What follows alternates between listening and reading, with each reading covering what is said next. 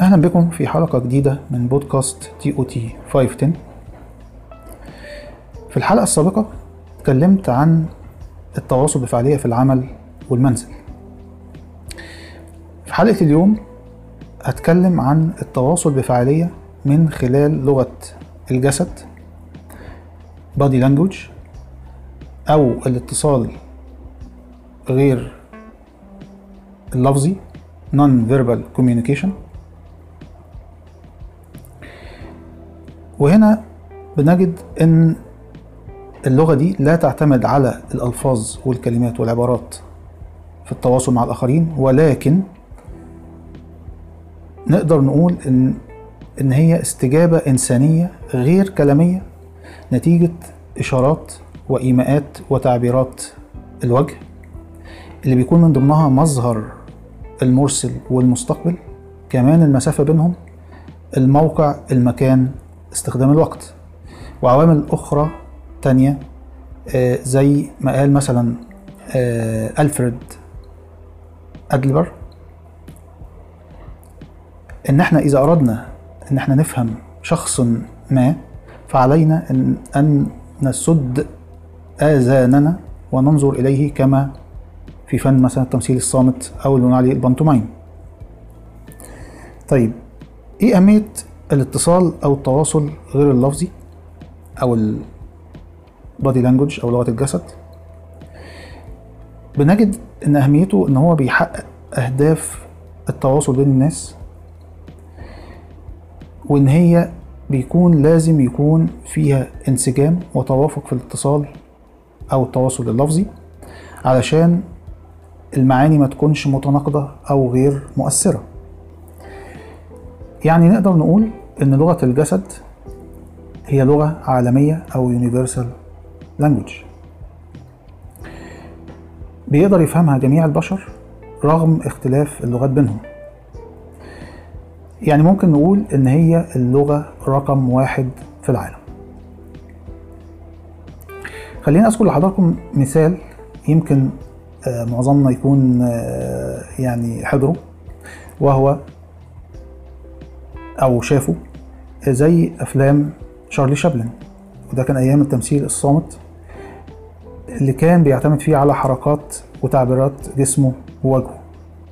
والايمات بتاعته اللي كان بيعبر فيها بدون كلام عن فيلم كامل. خليني أذكر لحضراتكم كمان هنا بعض التعريفات العالمية في لغة الجسد.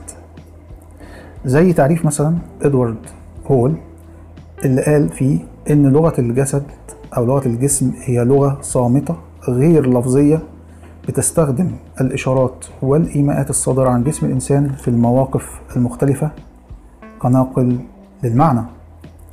تعريف آخر لجون هاس قال إن لغة الجسم أو الجسد هي شكل من أشكال التفاهم غير اللفظي بتقوم فيه الحركات والإشارات وتعبيرات الوجه وأوضاع الجسم بنقل أفكارنا وانفعالاتنا لشخص آخر. تعريف تالت زي جوليوس فاست قال إن لغة الجسم أو لغة الجسد بتتضمن حركات الجسم سواء كانت إرادية أو غير إراد- إرادية بكامل الجسم أو جزء منه عشان تبث رسالة انفعالية إلى العالم الخارجي. تعريف رابع لألان بيز أن لغة الجسم هي اتصال غير لفظي بيعتمد على التواصل بين المرسل والمستقبل باستخدام تلميحات وإشارات وحركات صادرة من الجسم تعريف آخر لعبد الله عبد الكريم قال إن لغة الجسم هي لغة غير لفظية بتشمل إيه؟ الحركات، الإشارات، الإيماءات، التعبيرات الصادرة عن أجزاء من جسم الإنسان في مواقف مختلفة واللغة دي بتحمل معاني ودلالات كمان رمزية وبتساعد على التواصل مع الآخرين والتأثير عليهم بطريقة إيجابية أو سلبية. تعريف أخير لحسين حريم. بيقول فيه إن لغة الجسم أو الجسد هي أي رسالة بترسل وتستقبل مستقلة عن الكلمة اللي هي منطوقة أو مكتوبة. وبتتضمن عوامل زي استخدام وقت ومكان ومسافة بين الأشخاص وكمان ترتيب الجلوس وموقع المكتب والأثاث. طيب خلينا أستفسر من حضراتكم هل لغة الجسم أو الجسد هي لغة حديثة أم قديمة أم لها جذور تاريخية؟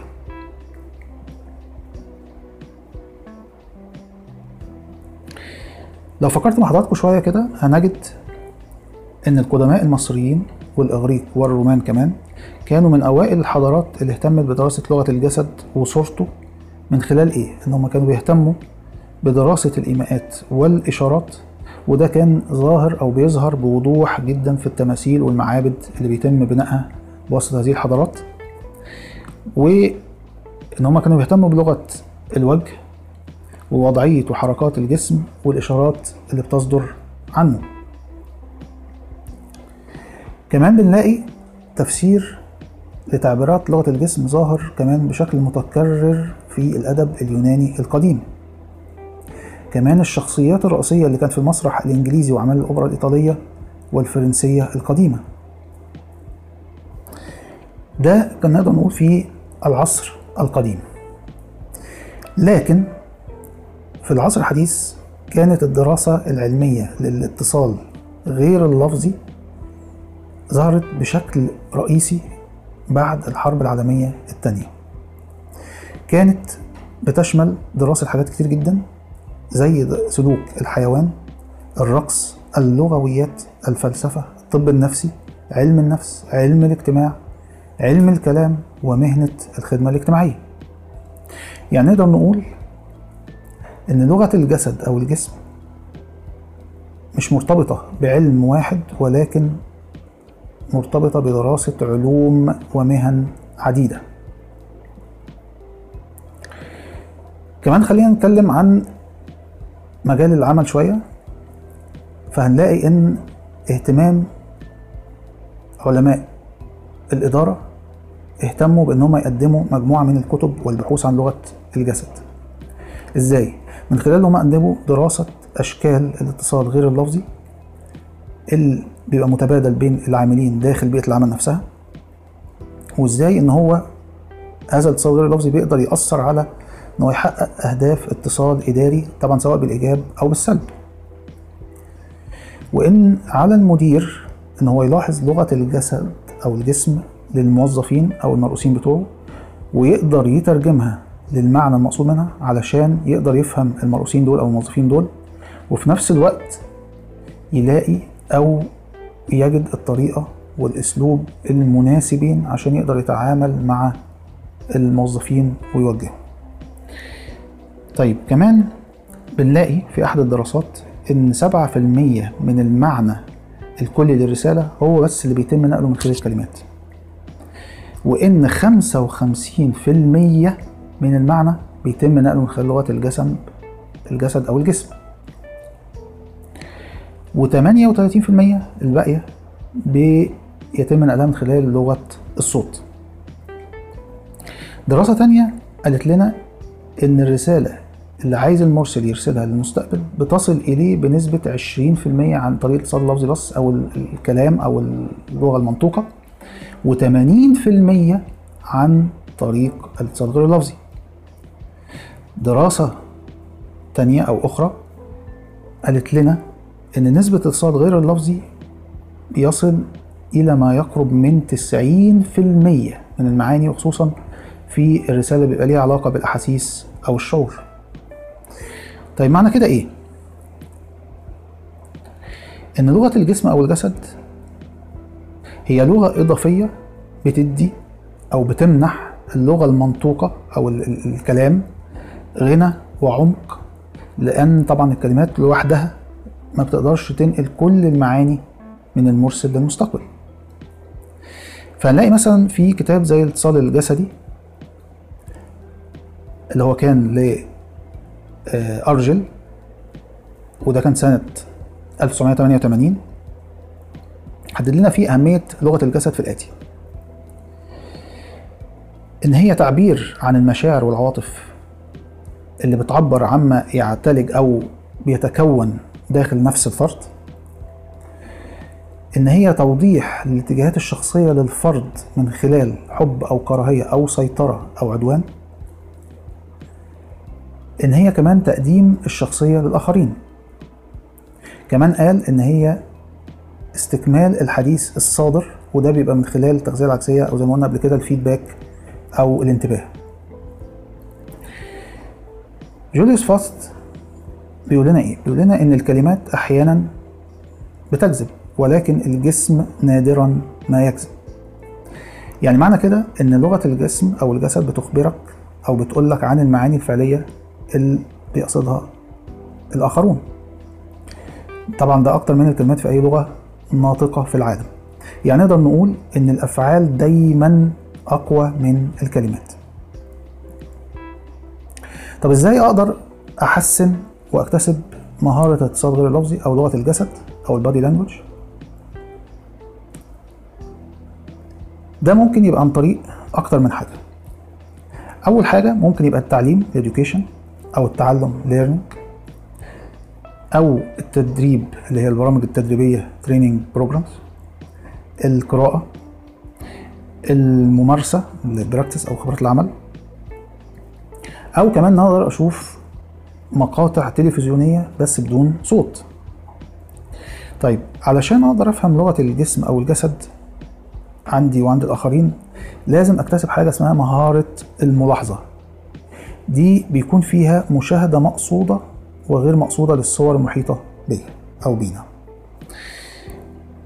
طبعا بنلاقي عندنا فروع ومفردات كتير جدا للغة الجسم أو الجسد. هذكرها لحضراتكم هنا بشكل عام. وإن شاء الله هنتكلم عنها في حلقات قادمة بالتفصيل أو من خلال إن أنا هذكرها في مواضيع أخرى. طيب إيه هي ممكن تكون فروع لغة الجسد؟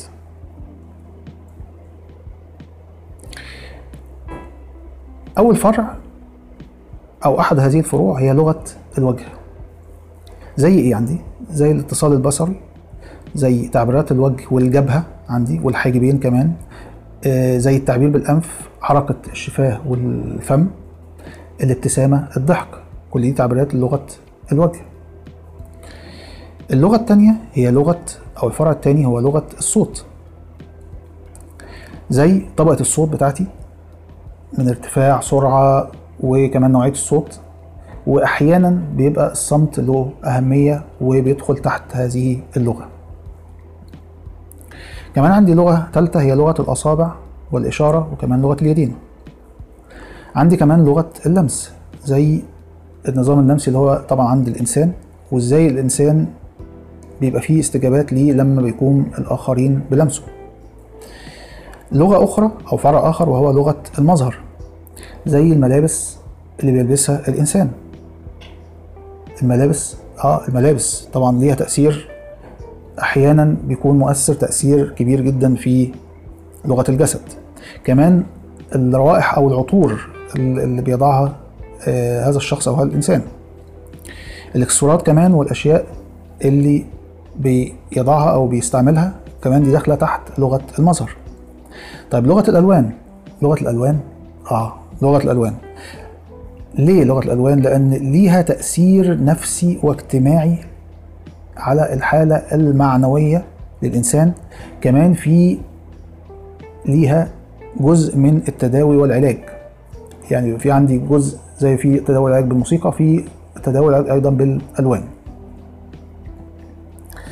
طيب لغة أخرى أو فرع آخر وهو لغة المسافات والفراغ المكاني زي المسافة المكانية بين شخص وآخر ونوع كمان هذه المسافة. طيب لغة أخرى أو أخيرة في موضوعنا وهي لغة الدلالات الرمزية للزمن وكمان استخدام الوقت. يعني إيه هو مفهوم الوقت؟ وإزاي أقدر أديره بشكل فعال؟ طيب أخيرا خلينا أذكر لحضراتكم إيه هي المفردات الرديئة أو الغير فعالة في لغة الجسد. حاجة العينين العينين بتاعتي لما بتتجنب النظر للمتحدث. لو أنا صفحت الآخرين بطريقة لينة أو ضعيفة أو إن أنا صفحت بقوة زائدة الحركات العصبية بتاعتي اللي هي طبعا ملهاش معنى أو معناها غير آه، مؤثر أو سلبي. الجلسة اللي بنقول عليها مسترخية أو غير سليمة أو جلسة تظهر الكسل. طيب آه، أرجو أن أكون وصلت لحضراتكم آه، يعني في نقط آه، يعني واضحة. لغة الجسد واهميتها في التواصل الفعال. وإن شاء الله زي ما قلت لحضراتكم يعني هنبقى في حلقات قادمة فيها بعض التفصيلات لهذه اللغة المهمة جدا أو هيكون ذكرها من خلال موضوعات أخرى. أشكركم ونلتقي في حلقة قادمة.